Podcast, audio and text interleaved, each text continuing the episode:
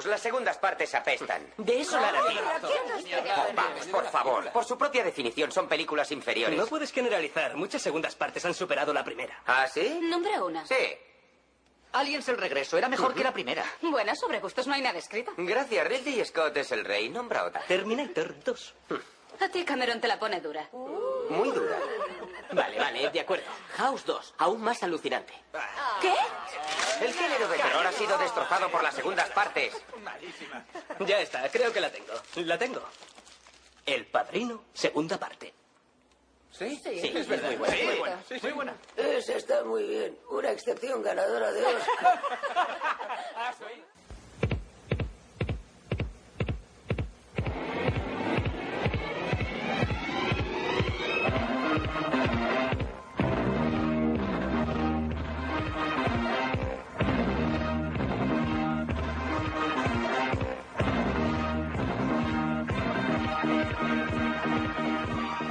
Bon dia, bona tarda, bona nit, benvinguts a l'Això em sona, el podcast de reboot, remakes, eh, seqüeles, preqüeles i molt més.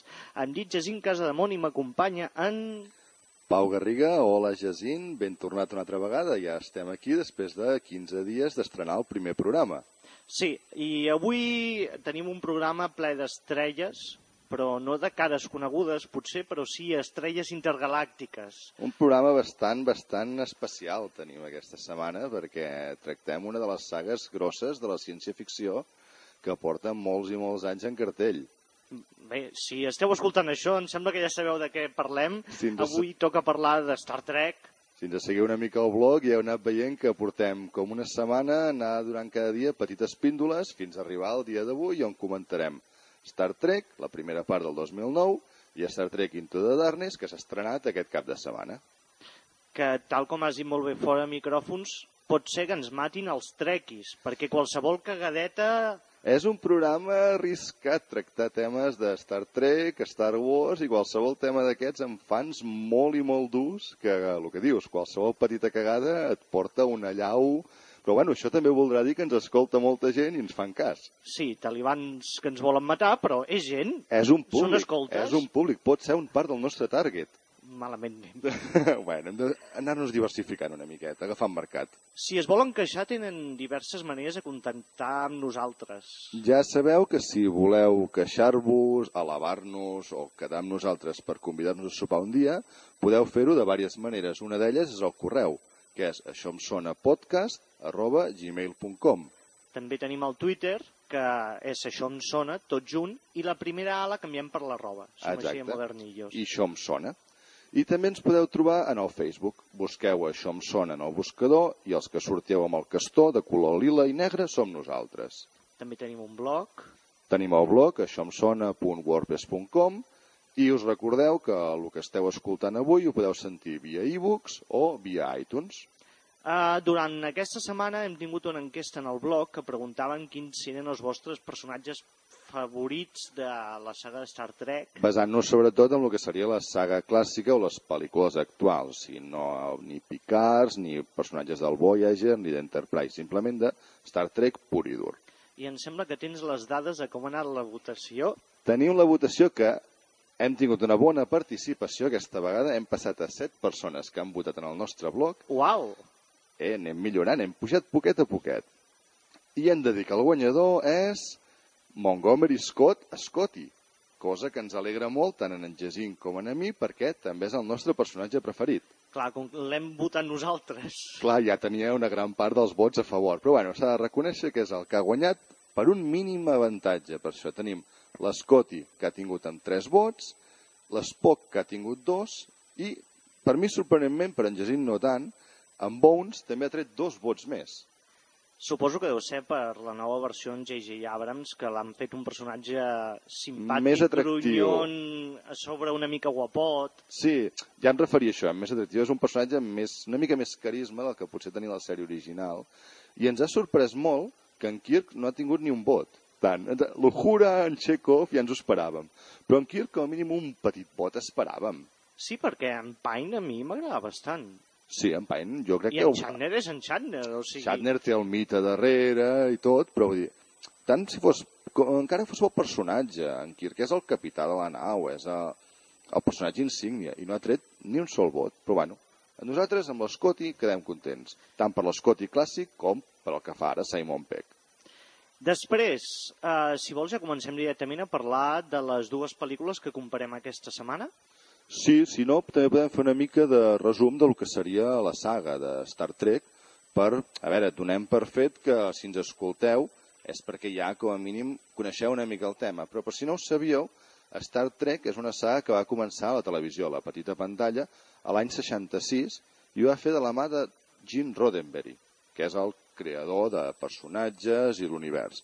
I va començar amb la tripulació que hem vist en aquestes pel·lícules, i concretament on acaben aquestes pel·lícules. És a dir, vam començar la saga amb la missió de 5 anys que porta la, la nau Enterprise a conèixer, descobrir, explorar per l'espai exterior profund a la busca de nous mons, nova tecnologia nous éssers vivents.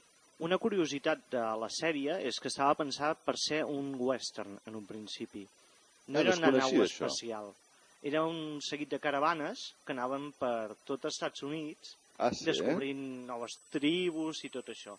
Però com que el western començava a anar de capa caiguda, van decidir apostar per la ciència-ficció. I els ha sortit bastant bé la jugada. Sí, sí, sí. Molt, molt bé. Tot i que les primeres temporades van punxar, no van tenir èxit. La primera temporada, bueno, la primera temporada, la primera sèrie, que ara es conegut com la sèrie original, va ser cancel·lada la tercera temporada. Ni tan sols vam arribar a veure els 5 anys d'emissió. Ens vam quedar, no sé si a meitat del segon o cap al finals del tercer. Fins i tot va arribar a existir un, un projecte que es deia Star Trek Fase 2, que tenia la intenció de recuperar aquests anys perduts de Star Trek, però no va acabar arribar a bon port i va sortir després nova generació i altres spin-off que han anat sortint. Doncs Roddenberry ens situava en un futur cap a l'any... No, jo no entenc per què la coma dels anys de Star Trek, però bueno, potser algun Trekkie ens ho podrà dir o a què correspon. Escriviu-nos. Exacte, digueu-nos per què no és el 2220, sinó que és el 2220.55. Això és un dubte que mira ara mateix m'acaba de passar pel cap. Bé, doncs ens trobàvem en una humanitat que vivia de forma conjunta, pacífica, i on havien desaparegut les guerres, la cobdícia, la fam, i havien descobert també el viatge estel·lar. I eren exploradors, no eren l'Enterprise o totes les naus de la flota estel·lar, no han sigut mai naus de combat de guerra. Sempre han sigut naus d'exploració, de descobriment. Pintava un futur molt bonic i molt, molt agradable en comparació amb altres sagues galàctiques que tenim. Mm, La sèrie, com ja hem ben dit, va durar tres temporades. Quan semblava que estava un projecte bastant cancel·lat, o... van començar a decidir treure el que serien les pel·lícules, que realment van recuperar l'essència de la saga i van tornar-la a portar, tornar-la a fer-la coneguda. I tant és així que vam tenir fins a sis pel·lícules de lo que seria la primera part de Star Trek, o sigui, tot el que seria la sèrie original. Teníem uh, Star Trek, la The Motion Picture, o sigui, la pel·lícula original, i després, més o menys a raó de cada dos anys, tres, treien una nova, una continuació d'aquelles pel·lícules. Teníem Star Trek 2, La ira de Khan, Star Trek 3, En busca de Spock, per cert, dos pel·lis en les que està basada aquesta última pel·lícula que comentarem d'aquí poc, i per mi, eh, personalment, a partir d'En busca de Spock és quan la saga comença a decaure. Hi ha gent que defensa missions salvar la Tierra.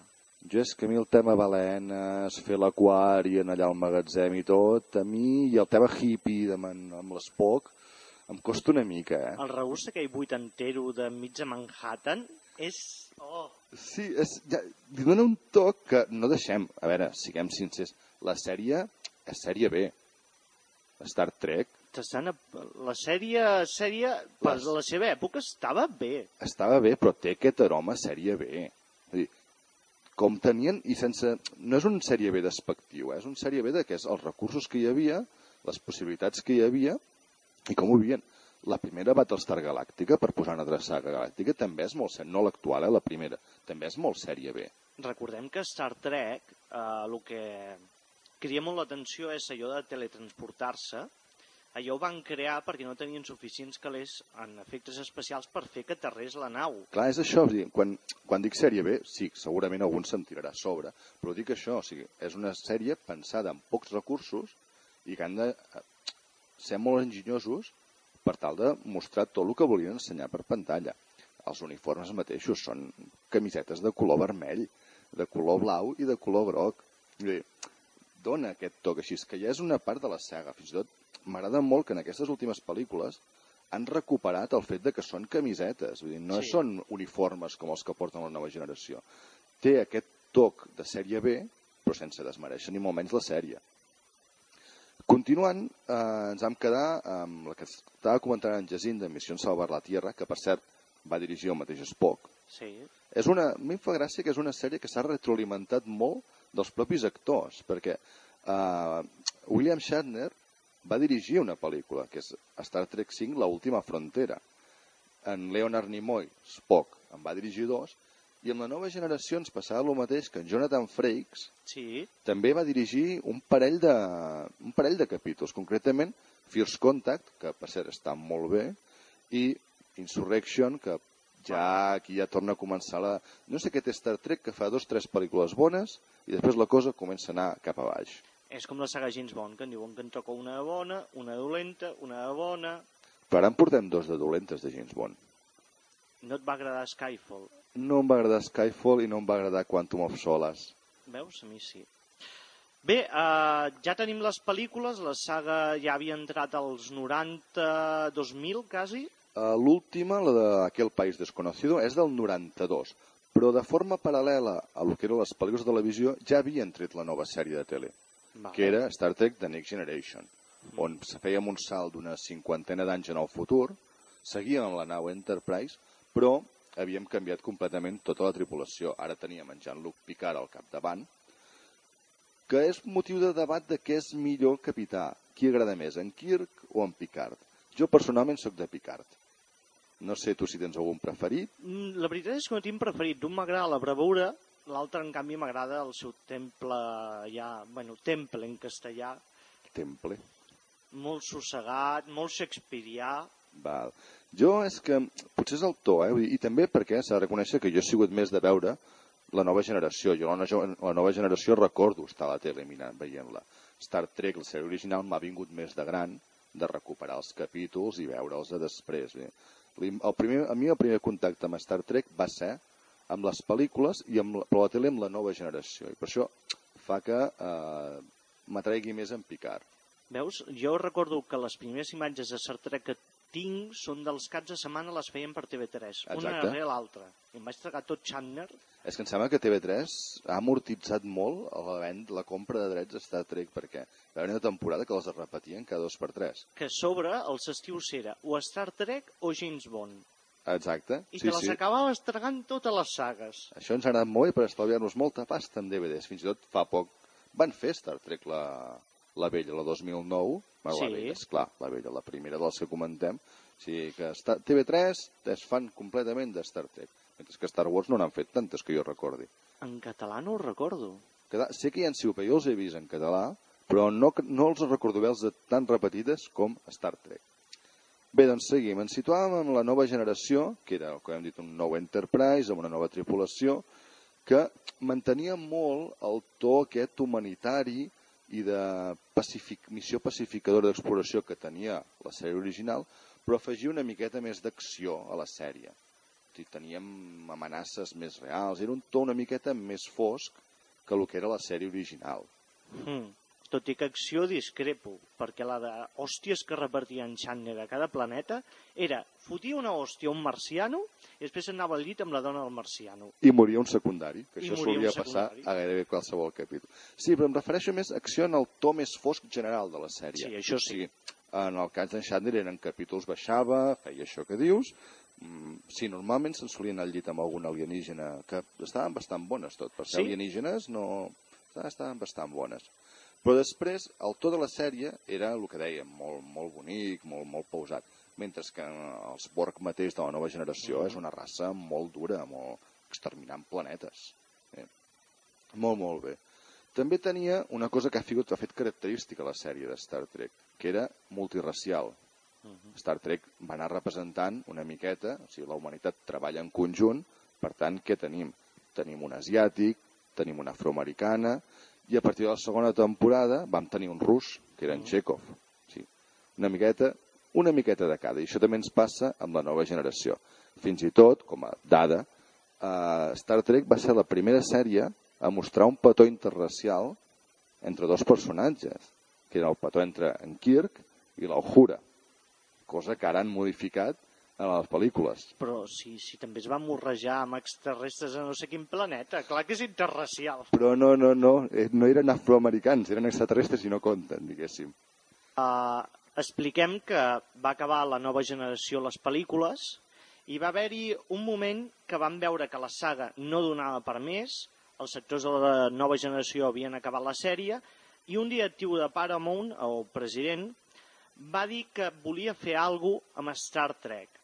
Va haver-hi diferents propostes de guionistes, una de les quals s'aprofitava una idea que havia dit en Jane Roddenberry, que era agafar i explicar els primers anys de la tripulació original quan estaven a l'acadèmia. Abans de la, diguéssim, abans de l'època Shatner. Bueno, l'època Shatner, de la sèrie original, Exacte. quan ja havia començat la missió. Aquesta idea la va plantejar en una convenció Trekkie, però va morir i no es va portar a bon port. Van recuperar la idea, van intentar fer una sèrie amb això, però van creure que no tindria sortida.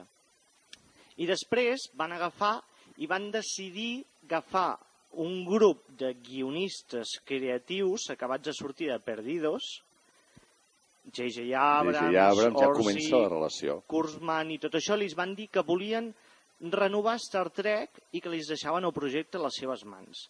En un primer moment tenien que fer una sèrie per Paramount per renovar Star Trek de cares al nou públic, però quan estaven en el procés de creació van decidir que potser era millor apostar per fer una pel·lícula. Crec que els hi ha donat molt bé. Això també, tam- com sempre, en parlarem una miqueta més endavant, però ho han encertat perquè per mi Abrams resulta molt més eficaç en pel·lícules que en sèries. Sèries Abrams comença molt bé, sempre, deixa una molt bona línia, però després jo no sé si és per la seva mania amb els salts temporals o amb què, però els universos paral·lels i tot- totes les crisis que té des de la primera sèrie que va fer, que les sèries van perdent, van perdent i no arriben... Sigui, el nivell alt que teníem al principi s'acaba perdent. Cosa que ha passat amb Lost, cosa que ha passat amb Alcatraz, cosa que ha passat amb tot moltes sèries que han anat fent, que es van desinflant, o Fringe mateix, per exemple, es van desinflant a mesura que passen. Tot i que jo sóc dels fanàtics del final de Lost, em va agradar. Deixem-ho part. Abans, perquè no ens diguin que ens hem deixat i no estem ben documentats, hem de tenir en compte que hi ha dues sèries més de Star Trek. Entremig de la nova generació, les pel·lícules, tenim Star Trek Deep Space Nine, que era una sèrie que per mi va, va intentar fer un salt massa radical, que anul·lava completament la Enterprise, anul·lava els viatges espacials i es centrava en una estació espacial orbital. Era un to diferent, a més a més, en aquest cas sí que era un to molt més fosc que el que eren les sèries normals. Aquesta sèrie la van crear expressament per fer la competència a Babylon 5, que era Exacte, un que era una moment que altra. també era una estació espacial i tot això, i van intentar aprofitar una mica aquesta moda per fer aquesta sèrie, que no va funcionar del tot bé. No, era intentar, mm, el que dius, donar-li una nova vida a Star Trek, però jo no crec que en aquest cas traient-hi l'essència, perquè deixant davant dels personatges, un dels personatges claus de Star Trek és la nau. Treus la Enterprise i la Star Trek perd molt. I ho van fer-ho, fixa't que les dos que han tret la nau han sigut no fracassos, però quasi, que és Star Trek, la que estem comentant, Deep Space Nine, i Star Trek Voyager. Quasi me n'en descuido, Deep Space Nine i Voyager va tenir una tercera sèrie, que era Star Trek Enterprise, Oh, sí. amb el Amb en Bacula? del salt quàntic. Sí. Exacte, que deixa els salts quàntics per anar a teletransportar-se a l'Enterprise. Que em sembla que era la primera expedició intergalàctica. Eren els primers viatgers de l'Ent- o sigui, els primer, la primera tripulació eh, de l'Enterprise. Es venia com que en Kirk va agafar l'Enterprise. Bueno, que aquí ja ho fa les pel·lícules també. L'Enterprise ja és una nau rodada, és la insígnia de la Federació, però ja ha fet, se suposa que ja ha fet viatges estel·lars. I aquesta venia a ser la primera tripulació. Si recordeu, els crèdits inicials eren molt macos perquè era l'exploració de l'univers per l'home. Veies des dels primers grecs que observaven les estrelles, les embarcacions, i anaves veient l'evolució de l'home pel que fa als viatges i a l'univers, Jo haig de confessar que jo no he vist Enterprise. O sigui, vaig veure que la feien, em va cridar l'atenció, però vaig dir, no, no, no tornaré a caure. I no, no, no he vist res d'Enterprise. Conec quatre coses, però res de... no n'havia vist ni l'opening. Bé, doncs, i amb això, després enganxem amb el que deia en Jacint, Abrams fa, que es fa càrrec del projecte.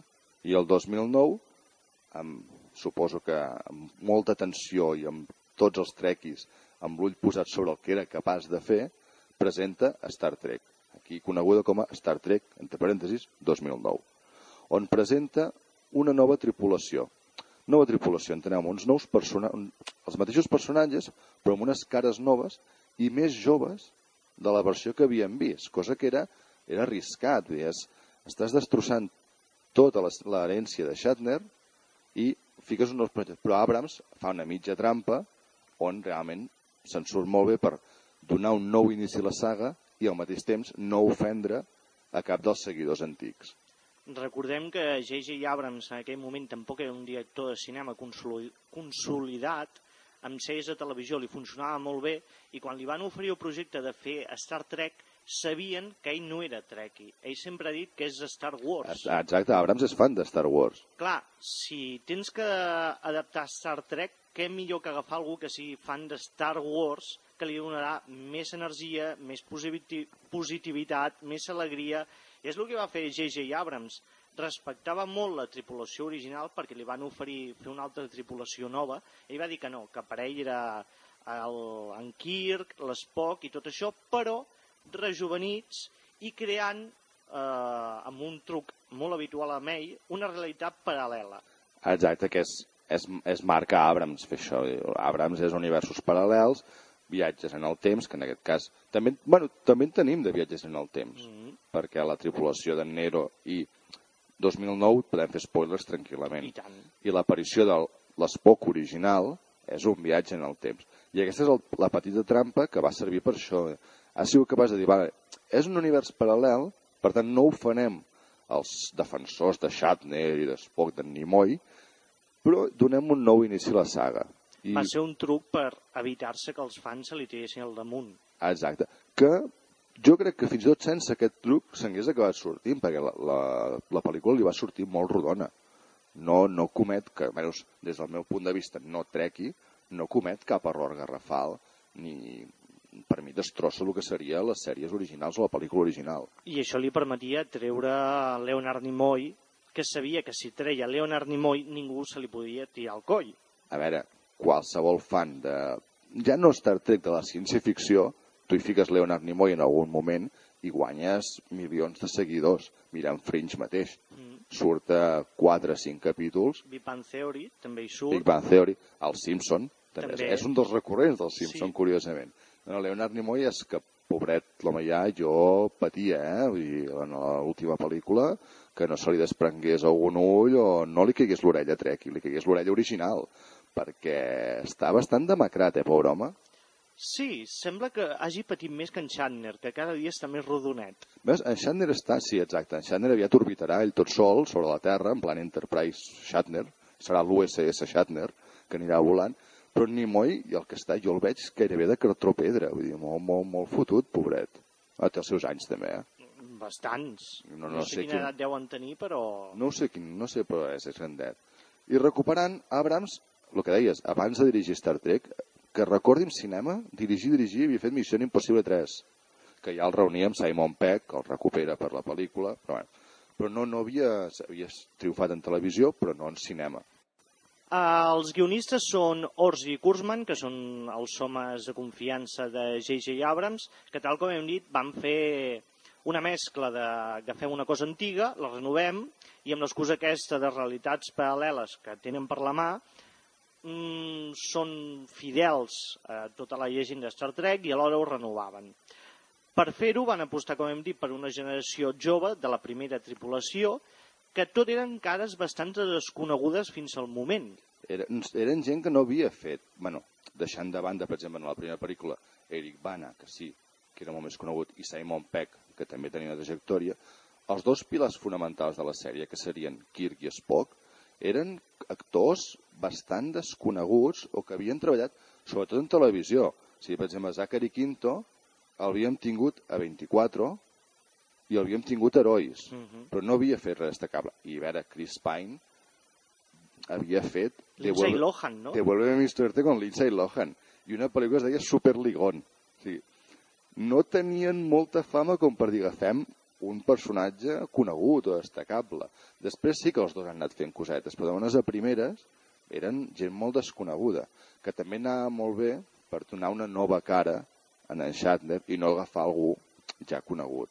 Que, per cert, Chris Pine ja havia gravat abans la pel·lícula Infectados dels germans Pastor, però per dates d'estrena va sortir després de Star Trek, cosa que, amb la fama que va repercutir Star Trek cap en Pine, va fer que molta gent anés a veure la pel·lícula Infectados dels Pastor, que per cert està bastant bé. Sí. I et comento una cosa que potser no saps. Saps qui rumorejaven que seria en Kirk? Mm, No, Matt Damon. Matt Damon, com... Clar, això passa, eh? Quan te diuen un actor que podria ser-ho, jo no el veig ara, però potser després em sorprendria. Jo el veig, eh? Tu el veus com a Kirk? Jo, això em costa molt de veure personatges, un cop ja els, he, els, he, els he ficat cara. I com, per exemple, amb el tema Indiana Jones i en Tom Selleck, Sí. jo quan veig les proves de càmera d'en Tom Selleck em faig creus de que haguessin intentat pensar en ell com Indiana Jones. Però perquè ja el tinc molt interioritzat com a, veure, Harrison jo no, Ford. jo el veig, Tom Selleck, sigui Indiana Jones. Jo no, no, no, no, no ho veia, em passa això. Per tant, tampoc puc veure Matt Damon i de bones a primeres et dic que no, que jo no el veig com a Kirk. Home, i l'Spock jo veia en Sheldon. No, Zachary Quinto és un gran encert com Spock. Aquí hi ha eh, discussió, eh? Perquè m'agrada, però el trobo que no hi acabo de simpatitzar tant com l'Spock original. Doncs jo crec que agafa molt bé l'essència del personatge i que el, per mi sí, és una versió molt rejuven, una versió rejuvenida del que podria arribar a ser Nimoy. Jo el van enganxar molt bé, que per cert, Zachary Quinto no sabia fer el saludor vulcanià. Li van I li van tenir els que enganxar els dits. amb cola per poder-ho fer. Sort que això és una trampa d'aquelles que queda, perquè si no l'haguessin dilapidat. És que imagina't el càsting. Només et devien demanar això, saluda, i ell no podia. Clar, ho van agafar per referència, suposo. Bé, doncs seguim una miqueta. Eh, com que són les dues pel·lícules, és una primera i una segona part, el càsting es manté tranquil·lament i tenim que la primera part tenim Chris Pine i Zachary Quinto com a protagonistes i el seu enemic és Eric Bana, que en aquest cas sí que era l'actor ja mm, De capa caiguda, per cert. de capa caiguda a partir d'aquest moment, és lo curiós, perquè abans havia fet Hulk, gran adaptació d'Ang Lee, havia fet Múnich i Troia, en llegint la cara de Hulk és que Hulk no és una gran adaptació. No, a veure, la pel·lícula... És que no és una pel·li de superherois, jo sempre ho he dit. No, no, no, és, és un drama amb un monstre obert enorme, això I, està I clar. gossos radioactius gegants, o sigui, Sí, també. no. No? Doncs a mi em va agradar. Vull dir, completament diferent de les Hulks noves. Eh? Vull dir, allò són pel·lis d'acció, això és un drama Mm. amb un monstre. Però bé, havia fet Múnich i havia fet Troia. Múnich sí, Troia la vaig trobar una bajanada impressionant, però bé. Troia és un pèl massa llarga, entretinguda, però bueno, no, no donaria per més. Però després sí que de Star Trek sí que ha anat de capa caiguda. Mm. Ha fet Más allá del tiempo, Time Traveler's Wife, una tonteria on te- ell és un viatger del temps, però no controla quan desapareix i va viatjant, cosa que dificulta molt la seva relació de parella, com pot ser normal. Si a vegades tardes 5 minuts més a anar a comprar el pa i tens pollo a casa, imagina't si desapareixes durant anys viatjant en el temps. I va fer Hannah, que jo me n'esperava molt i no em va acabar de convèncer del tot. Jo la vaig començar a veure i la vaig deixar. L'he de recuperar algun dia, perquè tampoc pintava malament, però... No, però suposo que això és el que passa. El tràiler te venia una cosa que no acaba sent la pel·lícula. Per tant, potser un segon cop millora més. Això respecte al que seria la columna vertebral de la primera part de Star Trek 2009, que després, com a secundaris, ha mantingut a les dues pel·lícules a Cal Urban, Uh -huh. que era en Bones, el metge de la nau, En dret, en, en dret, gran, gran remake també, que va ser una de les que vam comentar que potser parlaríem i al final ha quedat descartada per altres. I Leomer del Senyor dels Anells. bé, Val, deixem tema Senyor dels Anells. I per cert, també va sortir Riddick. bueno, Riddick, a les cròniques de Riddick. ostres, no Era un dels de la raça aquesta, els, no els furianos, els que estan en contra, doncs era un d'ells. Al costat tenim a Zous Aldana, Bravo! D'en peus i aplaudia amb les dues mans. No, amb una mà. amb una mà sí, però esclar, no serà per la seva carrera cinematogràfica. Mm, No. Colombiana, és Colombi- que col colombiana eh, és fantàstica. És fan- sí, és sí, sí. Besson... Argument de tot, té de tot. És, Quan no, no, entenc com no li han donat Oscars. És, és, és la millor pel·lícula que he vist en anys. Després tenim, com ja hem comentat, a Simon Peck, que aquest sí que també tenia molt de renom, és o sigui, l'Ice Cream Trilogy, amb Shaun of the Dead, Hot Fuzz i ara la de The Wall's End, amb moltes ganes. Només, per mi, en Simon Peck, la, la part americana la porta fatal. Sí. Perquè, no sé, has vist Paul? No, No, doncs... no vaig voler. Tampoc cal que ho facis. Vull dir, no arriba a tenir... No, suposo que no li permeten fer la mala llet que té amb les pel·lícules I no sé angleses. quin Nova York, que sortia amb la Megan Fox, també recordo que havia fet... Sí, hòstia, tampoc no Però me'n era recordo. molt dolent. Però sí, però una típica comedieta d'aquestes que fan eh, com xurros, diguéssim, tenen tres botons de comèdia i els van traient. I després, per mi una gran sorpresa, en John Cho, Sí, que fa de Zulu, que l'havien vist a la saga aquella de Harold and Crumb, que és, bueno, Harold and Kumar, perdó, Mhm. que és allò dos colgaus molt fumaus, i la Nadal, una de Nadal que van en 3D, que era, sí. I que estàvem acostumats ara amb papers així més, més de conya, i el seu solo és bastant sèrio i dona molt al pego. En aquesta última d'Into de Darkness, tio, el moment en què s'asseu a la cadira de capità i deixen a la frase, és espectacular aquell moment. És que són actors, això, com tu dius, són secundaris, però potser pel carisma que tenen aquests actors que han sabut aprofitar-los, funcionen. Funcionen molt bé Star Trek. Jo no sé com aniran després, perquè tots han tingut més anys els seus alts i baixos, però com els personatges de Star Trek funcionen molt i molt bé. També el guió hi fa molt. El guió d'Orsi Kurzman eh, s'ha de reconèixer que, eh, sobretot a la primera, s'havia de donar el seu moment a cadascun. O sigui, eren peces claus. A més que anàvem veient com s'encaixaven, Exacte. perquè no és una tripulació formada a la primera pel·lícula. No, no, és més, la majoria no se suporten a la primera pel·lícula. Deixant davant dels més secundaris, la, el gruix principal no es suporta, no es cauen bé. I s'ha de reconèixer que en, en molts casos amb motiu, perquè en Kirk de la primera és un mal parit de cuidado, Sí, és bastant insuportable. bastant insuportable, i aprofiten tot el tema Shatner de Ligon, Xulillo, però és que aquí el multipliquen bastant, molt ben portat, eh, i amb, Sí. amb justificat, però... I el- molt creïble. Sí. Perquè li veus la pinta i dius, és el típic texà, xulomeuques, xulopiscines, que es foten embolics, una baralla de bar, Exacte, la, que és quan el coneixem per primera vegada i, i a més a més que comença per intentar-se lligar a l'Ujura, que és el que li dona aquest toc de, de ligon despreocupat i de xulo que i que dius. es fa la noia verda. Exacte, la gran noia verda amb els cabells pèl Pèl rojos. rojos. No, no. Que sí, perquè és el toc... Fixa't que no sé per què a Star Trek sempre ha de sortir una noia o amb biquini o amb roba interior o amb poca roba. Perquè en aquest Into the Darkness hi ha un pla amb la doctora que és completament innecessari per la pel·lícula. És molt agraït de veure. Però és completament innecessari. És gratuït, completament gratuït. Bé, eh, completament gratuït, perquè aquí ja et demostra que en Kirk aquella serà la seva futura... Sí, però no cal ensenyar-la amb roba interior de bones a primeres. Ja tenen altres escenes que n'hi ha donant. Bé, això ho va intentar justificar un dels guionistes. No, no recordo com ho va justificar. Per mi no cal que ho justifiqui. Jo, per mi, l'uniforme podria ser aquest completament totes les pel·lícules, però hem d'entendre que no només de públic fem masculí viu la pel·lícula. És que Star Trek diuen que és la, sala, la saga intel·lectual de la ciència-ficció.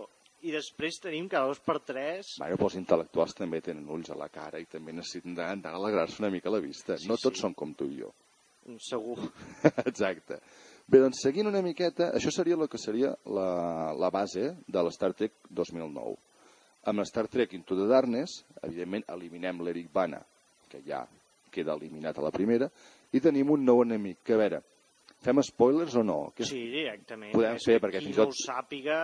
ja es rumorejava molt al principi de la pel·lícula, cosa que va ser un gran encert d'Abrams, crec, i del seu equip, d'amagar-ho, i molt ben amagat, perquè en cap tràiler se justifica, eh, sortia, perdó, fins i tot a la fitxa tècnica de la pel·lícula no sortia el nom, fins que van estrenar la pel·lícula van decidir que el dolent era Khan, dolent mític de, la, de les pel·lícules originals i de la sèrie, que aquí fica la cara amb Benedict Cumberbatch, Sherlock Holmes de les Sí. sèries de televisió i que realment, per mi, és un dels pilars d'aquesta nova pel·lícula. Jo abans t'ho he comentat també fora del micròfon, per mi aquesta segona entrega, Into the Darkness, és una mica el cavaller oscuro, perquè tot passa al voltant d'un gran malvat. Com a la primera de Star Trek, la de 2009, el dolent tenia la seva importància, però era una excusa per combatre algú, quasi. I per presentar la tripulació, clar.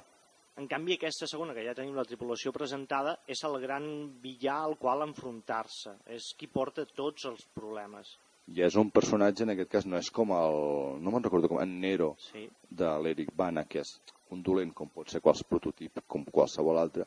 En aquest cas, un dolent amb molta personalitat i que Benedict li dona molta força. I hi ha un parell moment de mirades i de discursos d'ell molt, molt poderosos i molt, molt forts. Bé, la pel·lícula ens presenta per una banda en Kirk, interpretat per en Pai, que és un jove que va perdre el seu pare en una mis missió quasi suïcida, tot i que Bastant va salvar suïcida. molta gent.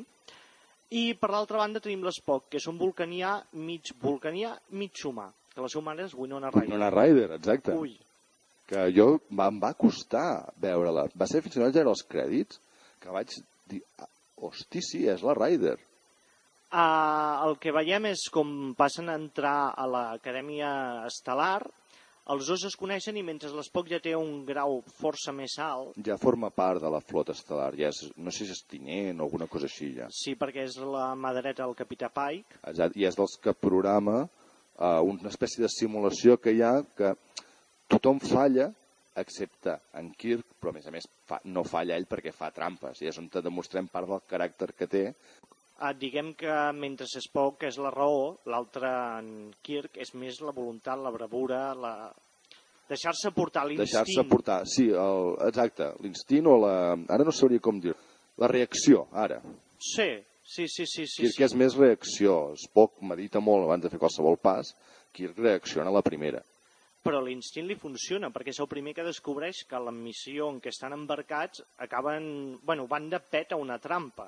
Exacte, també perquè ja té el record del seu pare que la, la missió que acaba amb la mort del seu pare té les mateixes característiques que aquesta. Que, per cert, detallo d'un moment que ja és un dels detalls curiosos d'aquesta primera pel·lícula, que jo no sé si el van dir-ho ells o hi ha friquis d'aquests que van frame a frame, però en aquest moment que arriben a la missió que estàs comentant ara, surt un petit R2 en pantalla, que és un petit homenatge que fa Abrams a Star Wars, saga que d'aquí poc dirigirà ell, també. Us, per cert, us posarem el vídeo en el blog perquè veieu aquesta imatge on te surt un R2 molt i molt petit. Pecat. No, no ho pots fer, no pots barrejar sagues així com així. Però no, bé, No pecat, fixa't que Lucas també ho fa a a la patètica amenaça fantasma que surten ETs. En el Consell Galàctic sí, però surten, sí, és Lucas, diferent, Spielberg, diferent. és un petit guinyo, diguéssim, a, a les sagues galàctiques. Fas petites conyetes, igual que Indiana Jones i així. Bé, uh, com que en Kirk, per cap gros, es cola dins la tripulació de l'Enterprise, això fa que la realitat s'alteri, perquè ell no tindria que ser allà.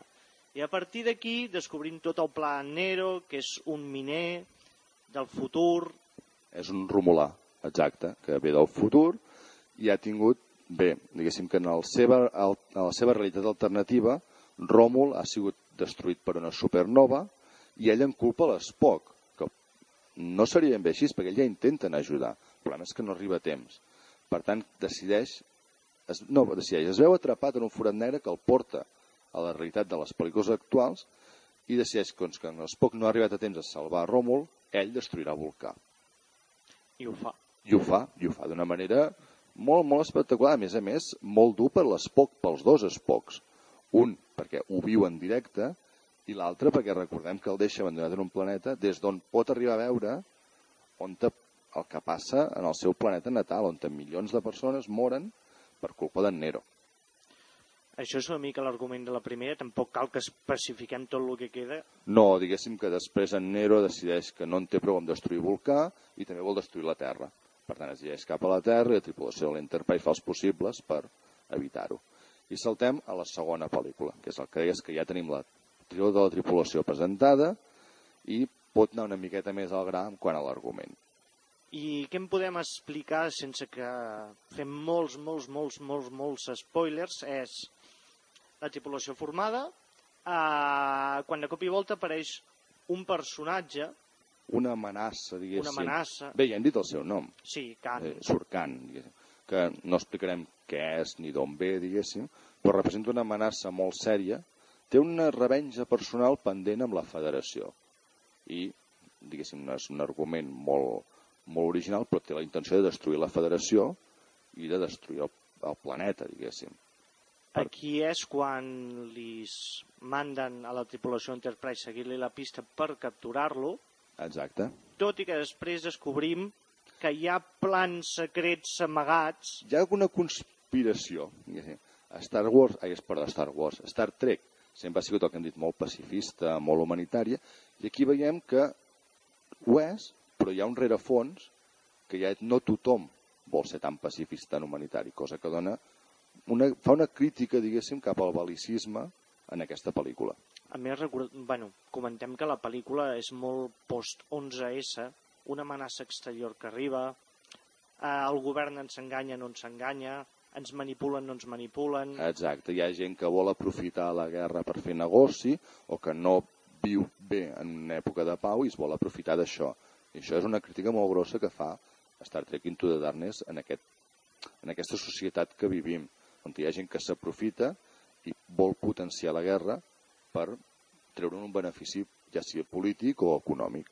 A més, és un punt també que és molt J.J. Abrams, de treballar per una organització que t'envien missions i no saps en realitat què hi ha darrere. i que aquesta mateixa organització forma part d'una conspiració secreta, és, tot és molt Abrams. Eh, fins i tot la manera de fer, jo una mania que li tinc molt a Abrams, és, jo no sé si cobra drets del lens flare, dels destellos, però a Abrams hi ha moments en què no veus res del fogonasso de llum que et fot a la cara. Però vull dir, jo que, de- que abans com a director, per mi es resulta molt efectiu Abrams. No destacarà en a... No destacarà molt, però sí que és un bon director. Vull dir, no, destacarà en tema amb el plan d'originalitat o intentar coses diferents o molt rares. No, ell fa la seva feina molt ben feta i aconsegueix un molt bon resultat. Té una visió molt clínica, d'ull clínic. Sí, Sap què necessita una pel·lícula, sap les dosis de cada element que ha de ficar, perquè et barreja molt bé drama, amb comèdia, amb acció... Queda tot molt ben mesclat. i té un ull molt bo per l'espectacle. Sí, Abrams és, com Michael Bay o altres són, quan més grossa l'explosió és millor, Abrams, si amb una petita explosió pots aconseguir un efecte molt més gran que amb l'altra, eh, ho fa molt i molt ben fet. Aquesta mateixa, ja la primera les tenia, però aquesta té imatges molt fortes i molt poderoses, ja sigui a través de la nau o a través dels propis personatges. Hi ha el moment en què Khan, no direm què passa, però s'aixeca tot sol a través, mirant a través d'unes ruïnes, aquella imatge és espectacular, és, és molt bona, o la nau mateixa, hi ha un moment en què l'Enterprise cau en caiguda lliure i ja saps què passarà, s'aixecarà. Però el moment, el moment de la caiguda lliure per mi és un dels moments, millors moments de tota la pel·lícula. No sé, aquests... No, sí, sí, a veure, espectaculars per mi tant la primera com la segona, perquè la primera, sobretot l'escena inicial, de la el nau combat amb la nau, amb la Kelvin, exacte, la USS Kelvin. és espectacular. Entres a la pel·lícula directament i és molt emotiu, però no gràcies a l'acció, que també està molt ben filmada, sinó als personatges. Gràcies al que, els, al que passa, tot el que implica. J.J. Abrams sap utilitzar molt bé els personatges per emocionar l'espectador. No necessita, com tu has dit, recursos molt, molt espectaculars, tot i que els té, sinó que et fa empatitzar molt ràpidament amb els personatges, perquè de seguida et mostra el conflicte que té cada personatge. És que això és el que deies, venia lligat amb els- amb l'equip de guionistes que porta, Morsi, etc. que són capaços de, don, de fer creïbles i de donar un argument sòlid a la pel·lícula. No només és naus espacials, trets, làsers, no, no. Hi ha uns personatges a sobre dels que et preocupes i que fan que t'impliquis amb la pel·lícula. Tu veure una nau disparant o un planeta explotant i prou no t'aportarà res si no t'impliques emocionalment amb els personatges. És que potser és això la gran virtut que ha tingut J.J. Abrams. Personatges que altres generacions li semblaven freds. Donar-los una miqueta més d'humanitat. L'Spock era un personatge que queia simpàtic per raro que era, més Sí, enllà. sí, més que per al personatge en si. Ara, en canvi, eh, ja la primera pel·lícula ens mostra que és mig humà, que ha tingut problemes per ser mig humà. Home, té, li fan bullying a l'escola, pobret. O sigui, empatitzes amb el personatge de seguida perquè tothom té un conflicte i l'espectador quan mira una pel·lícula sobretot vol sentir-se identificat i només ho pot fer a través del conflicte. Si no entens la càrrega que porta un personatge és impossible que empatitzis. Exacte, sí, sí, i Abrams aconsegueix... Bueno, Abrams i el seu equip aconsegueixen molt bé fer-ho això. Que per cert, això em va passar amb el remake de Evil Dead. No l'he vist. Uh, jo el vaig veure l'altre dia i, tot i que admeto que és una pel·lícula que està molt ben feta, molt ben realitzada, molt ben acabada, els personatges m'importaven una merda. I quan els anàvem matant un per un, m'era bastant igual. Perquè no hi havia rerefons els personatges. Però de la primera Evil Dead, deixant de banda l'Ash, la resta també te la sua bastant que morin. Però té comèdia. En canvi, Ah, sí, la nova sí. han tret el factor comèdia i al principi intenten donar-hi un pes de fons a una noia que és drogadicta, que vol deixar les drogues i per això se'n va una cabanya. Va, han intentat fer-la més seriós, justificar-la. I tal, però com que els personatges ni et van ni et venen, just al contrari que amb aquesta saga, doncs Va, no, no, no l'he vist, és una de les que tinc pendent de veure, però és que em fa por això. Dir que, va, que ja la veuré de malament de bones a primeres, perquè el Evil Dead primera la tinc bastant en un pedestal. Però més per, ja te vaig dir el primer em sembla, però no, no sé si de ser fora de micro, que a mi el, el terror precisament no m'agrada, no m'apassiona molt. Vull dir, Evil Dead és més comèdia i sèrie B, Z, gairebé, que terror. Però bueno, tornem a la nostra saga galàctica Quan i va deixem... costar la primera de Star Trek? Em sembla que ho teníem 100... La primera va costar 150 milions. I em va fer... Va recaudar el doble, 389 milions. Recordem que tampoc és tan exagerat. Va- Nosaltres ho veiem molt gros, però per una pel·lícula d'aquestes característiques és un pressupost alt, però la recaudació no sé com va quedar amb un rànquing. No, em sembla que no ho tenim, És això. la pel·lícula, fins al moment, ara suposo com la nova ho han batut, era la que més havia recaptat. Home, la nova, mm, per la diferència de d'explosions o de destrossa que hi ha, el pressupost no ha pujat tant, perquè hem passat a 190 milions. En canvi, la recaptació és de 438. Per tant, ha augmentat, i això contem que només porta un cap de setmana. Bueno, no, perdó, el cap de setmana no és veritat. Ah. Que això és una de les coses que no entenc. En vam parlar perquè tu ja l'havies vista en una preestrena que havien fet a Barcelona. Uh -huh. Es va estrenar als Estats Units i altres països fa, què, un mes i mig, dos mesos? Sí. I avui en dia, bueno, mm, és molt arriscat fer això, perquè a la mínima subtorrents, Pirate Bay o qualsevol cosa, t'aixafa tota la, la recaptació. Jo crec que també passa que Europa i Amèrica Star Trek és molt diferent. A Amèrica és quasi una religió i en canvi Europa no té tanta tirada. Té reductes molt potents a trequis, s'ha d'admetre perquè hi ha associacions trequis per tot arreu, A tot arreu. Em sembla que és l'única associació reconeguda per no sé quin diccionari d'Oxford que reconeix Trekkie com a associació de fanàtics de Star Trek. però és Amèrica. Sí, Aquí, en canvi, un que li agrada Star Trek li agrada altres coses, en canvi, als Estats Units, si t'agrada Star Trek molt, ets quasi només fan obsessiu de Star Trek, que ja la, lluita, la material. lluita típica Star Trek, Star Wars, que un no suporten, quan aquí podem ser fans de les dues coses tranquil·lament. D'aquí que suposo que el retard envers estrenat a Espanya, que tampoc hi havia molt d'interès. No, però és molt arriscat. T'arrisques a perdre un públic que saps que te, les se la, te la piratejarà tranquil·lament. A més que si estrenaves quan tocava competies directament, em sembla que entre Iron Man i Superman, aquest mes que... Sí, Aquí som més de pel·lícula infantil a Espanya a l'estiu. Jo és a dir, que és un moviment que no acabo d'entendre, però bueno, ells sabran, suposo que ha sortit més bé o més malament, però ells sabran. Doncs, i l'argument bàsicament de les dues eren això. I, si vols, ens, que, avui ens hem allargat bastant amb tema del principi i tot, però comentem una miqueta, si et sembla, Impressions. les impressions de la pel·lícula, i jo m'agradaria eh, comen- si, tractar-se com a conjunt, destacant coses cada una de, la, de les parts. Jo com a conjunt em sembla un magnífic reinici de la saga, tant per a la primera part com per la segona, però que dèiem, van molt lligades en què la primera part et presenta els personatges, et situa els personatges i la nau i fica un enemic eh, una mica secundari que serveix d'excusa per situar-nos en un nou univers i conèixer la gent. I aquí és ja quan comença ja la tripulació més rodada. És a dir, fins i tot aquí en Kirk ja és capità de l'Enterprise amb, amb, amb papers, o sigui, no, no, no ho és de, de rebot. Ja les relacions estan molt més construïdes, la tripulació ja es coneix, cosa que fa que les interrelacions entre ells funcionin molt més bé, i et presenten l'univers d'una manera molt més directa. Ja entrem al cap de 10 minuts, deixant de banda l'escena, que per cert molt bonica, l'escena homenatge a la sèrie amb el planeta, que era allò típic, baixem a un planeta, la liem i hem de sortir per potes, i que això també passava, I homenatge a Indiana Jones. també, exacte.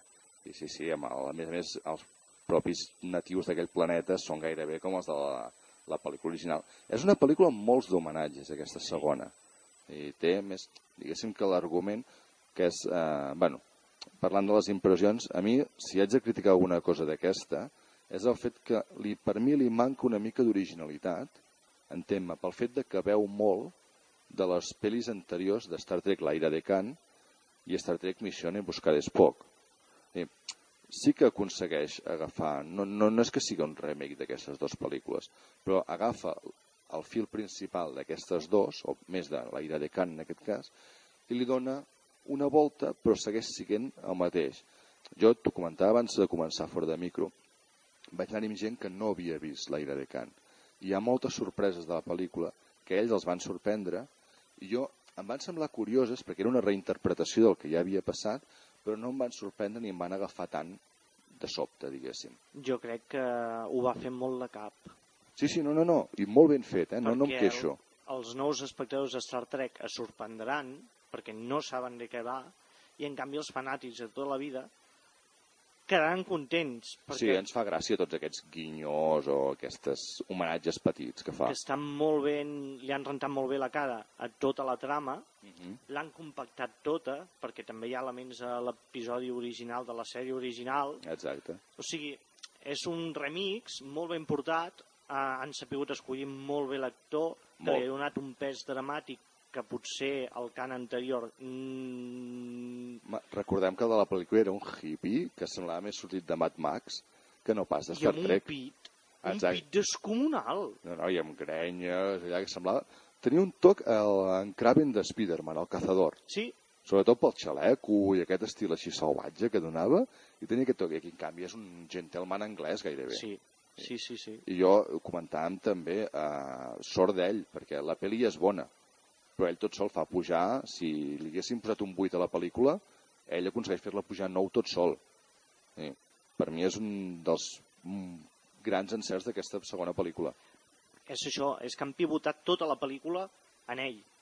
O sigui, totes les reaccions dels personatges venen a través de les seves accions. A més, li han donat un, un fons dramàtic que ja hi era l'original, però aquí entens molt bé el personatge tot el que fa. És molt més humà, és molt més humanitzat. Té, té sen... si veus que hi ha una, exacte com dius, una raó de pes per fer i que la viu. Hi ha un moment, en què, un moment dramàtic d'ell parlant que veus aquesta part humana i que en, cert, en certa manera et justifica el que intenta fer.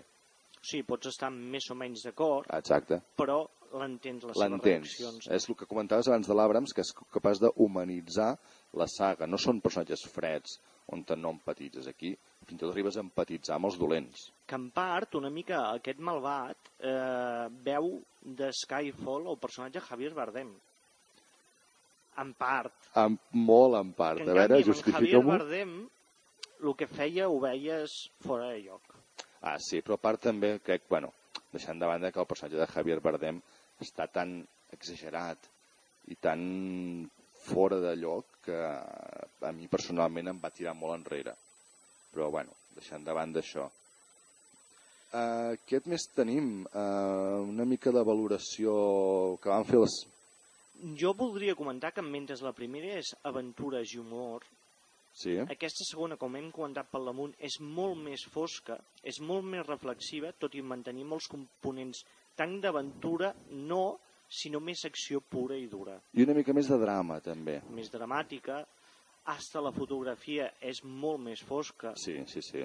que la primera era molt lluminosa, en canvi aquesta Aquí fixa't que va amb el que dèiem abans, la primera missió que veiem, els primers 10 minuts de la pel·lícula, Mhm. són colors molt clars, molt vius, molt forts, perquè és la part més homenatge a la sèrie, que era així amb aquest toc d'humorístic. En canvi, a la que apareix Khan, tot canvia, tots són blaus, negres, foscos, vull dir, tot el que dius, el to de la fotografia va lligat amb el to de la pel·lícula, que és molt més fosc, molt més dramàtic.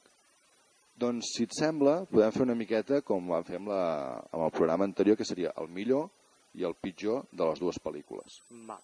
Si et sembla, comencem amb la primera Star Trek, millor i pitjor. El millor per mi va ser el rentat de cada dels personatges, que és Mhm. completament creïble, o sigui, coneixem el seu transfons, ens cauen simpàtics i alhora els podem relacionar amb el que creiem que passarà després, que és el Shatner que coneixem tots. Exacte.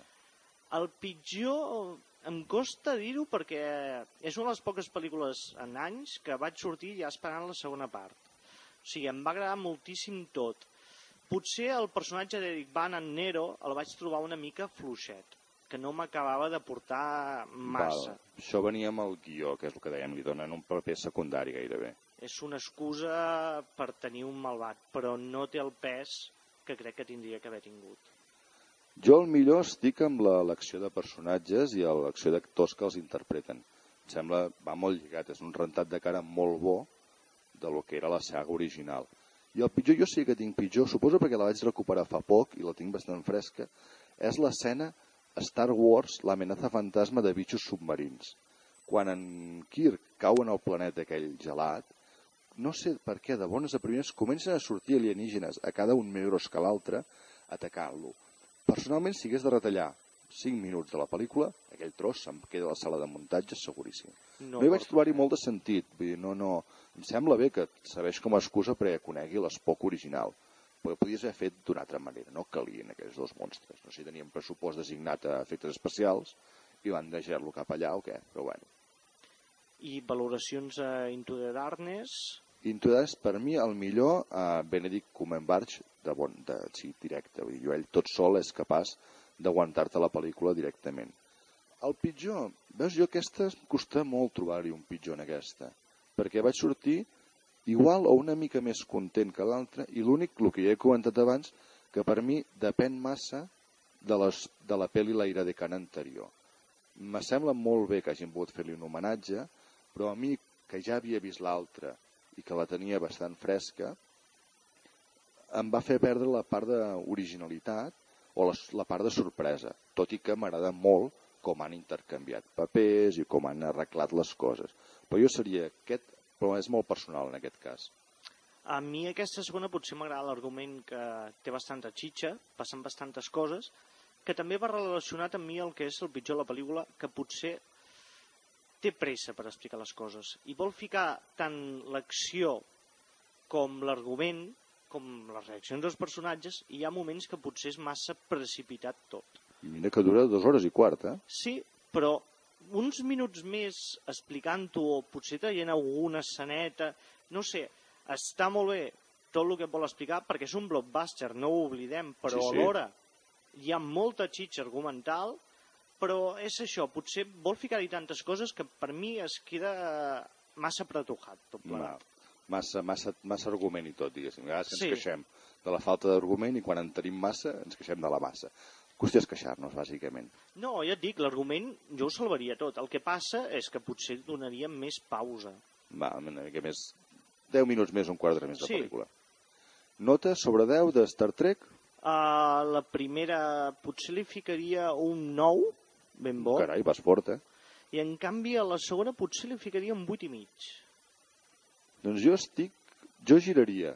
Jo li posaria un 8 i mig a la primera, perquè, eh, el que han dit, em sembla una molt bona reinvenció, però el fet de que hagi de perdre el temps, entre cometes, presentant els personatges, fa que la resta se'n ressenteixi una miqueta. I aquesta segona, entre 8 i mig i 9, també. Potser més un 9 per en Benedict, que ja dic que a mi em va, em va guanyar completament.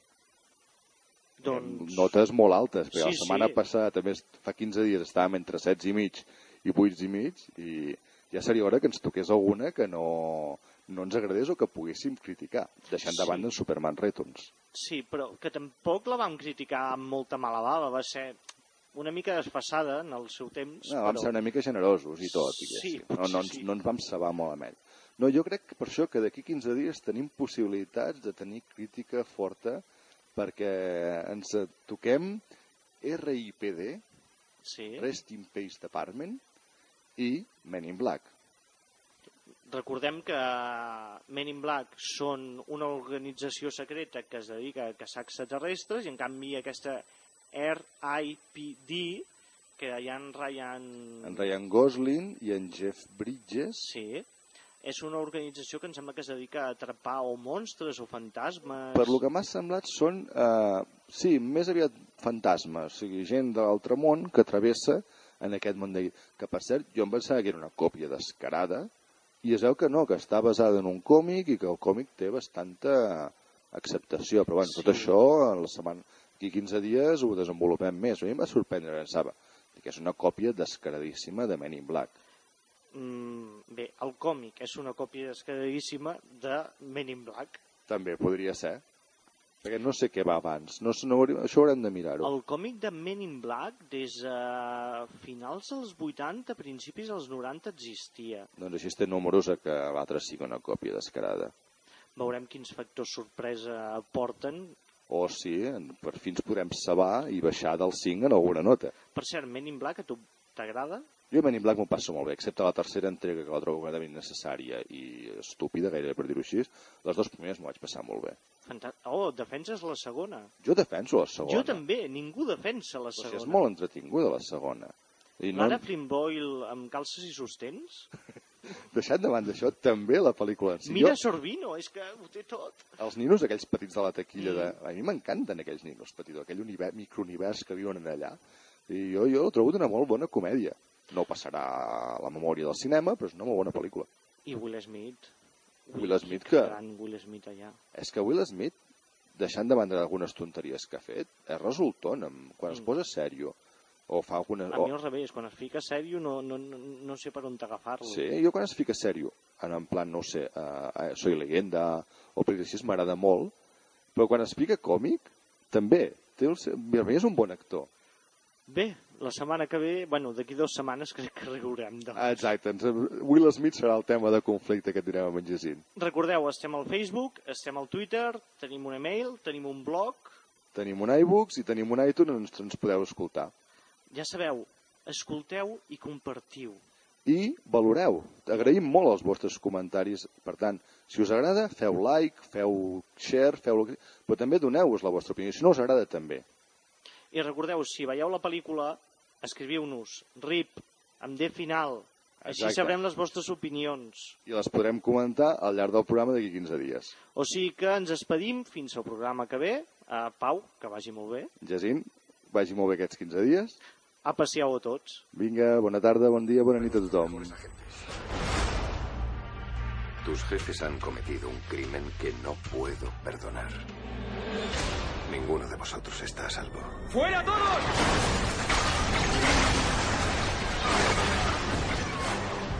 ¿He logrado captar tu atención?